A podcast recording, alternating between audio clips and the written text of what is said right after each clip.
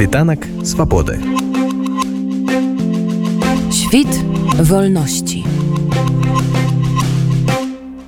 Сёння дзень народзінаў аднаго з найбольш выбітных беларускіх паэтаў канца два пачатку 21 стагоддзяў Анатоля Сса. Сёлета яму вспомнілася 63 гады. Але на жаль, лёс паэта аказаўся недаўгім. Ён пайшоў ад нас у 2005. Раней штогоду гэты дзень на ягонай магіле ў вёсцы гарошкаў падрэчыцца саюз беларускіх пісьменнікаў арганізоўваў літаратурная свята, якое збірала дзясяткі людзей, якім дарагая цікавая беларуская паэзія і тэма беларускага нацыянальнага адраджэння. Сёлета хутчэй за ўсё у гарошкаве збяруцца толькі самыя блізкія людзі для Анатоля. Як па зорах парасе твой апошні шлях праляжа памірай а жыта сей рунь пра сейбета раскажа гэтыя радкі Анатоля сыса высечаныя скульптарам генікам лойкам на помніку які ўсталяваны на магіле паэта под гонкімі бярозамі на гарошкаўскіх могілках па-над дняпроўскаю кручаю. І тое што рунее ад творчасці Анатоля саса і дагэтуль гэта сапраўды важкі даробак у скарбонку нашай нацыянальнай спадчыны. Многія літаратуразнаўцы ставят Анатоля саса у адзін шэраг з янкам купалам і Масімам богдановичам У невялікай вёсцы гарошкаў, дзе прайшло дзяцінства юнацтва паэта, зараз увогуле няма школы, а ў часы Анатоля была толькі пачатковая але яна была беларускамоўнаю. А вось у чацвёрты клас ён мусіў ісці ў суседнюю вёску цэнтр сельсавета бронная дзе школа была з расійскай мовай навучання. Узгадвае родная сястра Анатоля саса тамара ціханаўна грыб. Было 16 я пайшла працаваць а толя застаўся хадзіў там у першую які-то другі клас. Ён спачатку хадзіў ўжо ў гарошкаве ў школу а потым бронная.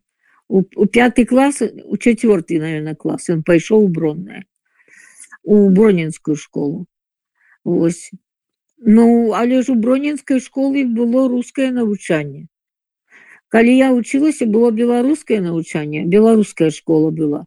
Але як ужо вот у мяне быў сёмы клас я так успамінаю потихоньку потихонечку пачалі з'яўляцца рускія подручнікі то по гісторыі то по геаграфіі то потом пасём а потым усе подручнікі сталі рускія Вось так. І, і школа стала можна сказаць можа яна дзе ў гараной лічылася беларуская школа але яна была ўжо руская А мы ж дзеці мы ж гэтага не разумелі что гэта такое. Казвалі на рускай да.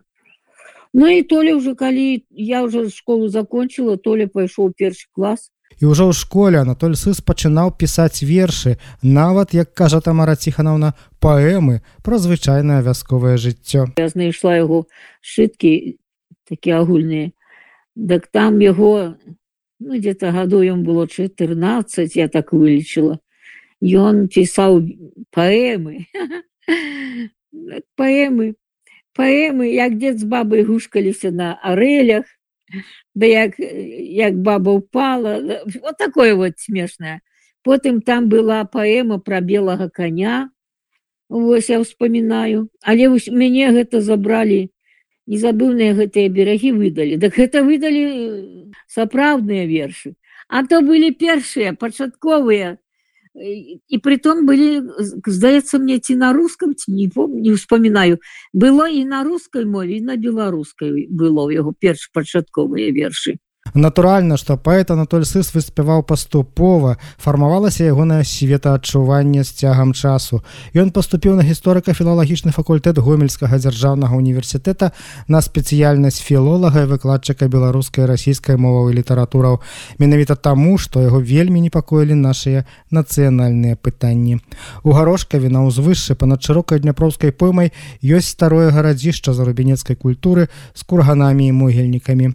Гарошкаўцы спрак сороку веку завуць гэтую мясціну гарадок і якраз у часы сысавага студэнцтва уладам для нейкай будоўлі спатрэбіўся пясок. Яны без асаблівых роздумаў пачалі раскопваць археалагічны помнік. Тады малады студэнт анатоль сыс паўстаў на абарону гарадзішча дайшоўшы аж да акадэміі навук. Разбурэнне спынілі але адгрызеная частка гарадзішча заўважная і цяпер Анатоля сыса вельмі хвалявала пытанне адраджэння беларускай мовы. Для яго гэта была святая рэч пасля таго як з прыходам да ўлады лукашэнкі ў беларусі распачалі палітыку знішчэння беларускай мовы і замяшчэнне яе ўсюды дзе толькі магчыма расійскаю якую зноў пасля імперскіх і савецкіх часоў ввесцілі дзяржаўнай анатоль сыс забараніў перакладаць свае вершы на расійскую мову да таго часу пакуль у беларусі не стане адзінаю дзяржаўную моваю беларуская. Але ў той жа час анатоль сыс разумеў што шмат пакутнаму беларускаму народу нават за мову нельга больш ваяваць Вось што ўзгадвала сястра паэта. Аднойчы я ездзіла ў Мінск Анатолю. Ён мне расказваў, як ён уначы ішоў па гораду і сустрэўся з двумя як іх называюць ну фашыстамі. Маладзёж, якая ходзіць з плёткамі, з татуіроўкамі, як гэта нацыст. Ну, ён такіх маладых людзей сустрэў і прывалок іх дадому. Палок дадому іх цэлую ноч выхоўваў і да выховаў да таго што яны пайшлі разам з ім у, у мусарапровод яго доме і павыкідалі ўсе свае гэтыя плёткі безуны усю сваю амуніцыю гэтую нацысцкую і далі яму слова што яны больш не будуць гэтым займацца вось такое ён мне расказаў а потым ён мне сказаў а цяпер я хочу табе сказаць что калі б мне сказали, выбирай, выбирай. Ці будзе беларуская мова, будзе вайна, а як беларускай мовы не будзе, то войны не будзе. Ну так вось Анатоль сказал, так я табе хочу сказать, и он так мне гаворыць, что я выбрал бы, каб не было войны. Каб не было войны у нашей стране, у нашей республицы я бы мову як-нибудь бы отодвинул бы, а каб не было войны. Каб не было войны, он ўсё повторал. Гэтае каб было войны. Вось это Анатолевы словы. Вось яго думка, яго меркаванне. Тамара Ціханаўна лічыць, што Анатоль Сыс быў прарокам. Ён адчуваў, ён, ён прарок. Ён быў прарок. Ё, я ўжо успамінаю яго не, некаторыя такія выразы. І потым ўсё гэта спраўджвалася то што ён гаварыў. І асноўную пагрозу вайны анатольцы збачыў з усходу беларусі. На вялікі жаль гісторыя показала что так яно і ёсць. Гэты верш выйшаў у зборніку пан лес у 1989 годзе. Жывы голас анатоля саса у расейцаў шаблі у расейцаў вочы батыя. Конскія хвасты за плячыма потная кобыла айчына не потрап под шаблі косы не павер у вочы баты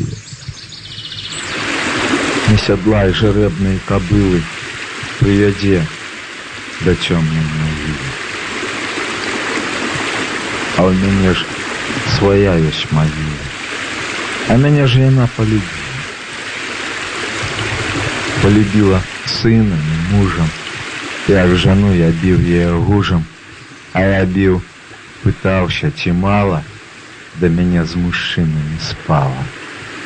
Спала с москалем, спала с ляхом, да была постелью мне плаха. Спала с твоим батьком Литвином, а теперь с твоим, моим сыном. Погляди у рэчкі лясныя. Хіба ж маеш вочы батыя, хіба ж конскія хвасты за плячыма, паглядзі, з кім спала айчына. Дні народзінаў Анатоля Саса і тады, калі ён быў жывы і пасля заўжды былі шматлюднымі. Вось што кажа Тамара Ціханаўна. У яго на дзень нараджэння заўсёды было куча людзей, не то што куча, а вельмі многа, асабліва ў мінску. У Менске он збирал целые такие веселье на свой день рождения. Все его были, приходили. И он вельми радовался, вельми радовался, когда у него было много людей на день рождения. И в Горошкове мы завсюду справляли его день рождения. Завсюду. И хлопцы приходили, и приезжали. Э, у каждый год к нам приезжал на его день рождения Андрей Мельник. Уже як вот все не приезжали, А Андрей Мельников приезжал до апошнего года. Покуль Анатолий не поехал в Минск, Андрей приезжал со своей гитарой. Зараз многія літаратары і проста неабыякавыя людзі, якія збіраліся на літаратурныя святы ў гарошкаў, мусілі ўцякаць ад палітычных рэпрэсіяў за межы Беларусі. Саюз беларускіх пісьменнікаў улады ўвогуле ліквідавалі. Сёлета літаратурнага свята ў гарошкамі не будзе, але ж тыя, каму дарагі паэт, могуць сёння прыехаць на гарошкаўскія могілкі, могуць зайсці ў ягоную родную хату, каб адчуць дух, які выгадаваў геніяльнага паэта. Світанак свабоды. Wid wolności.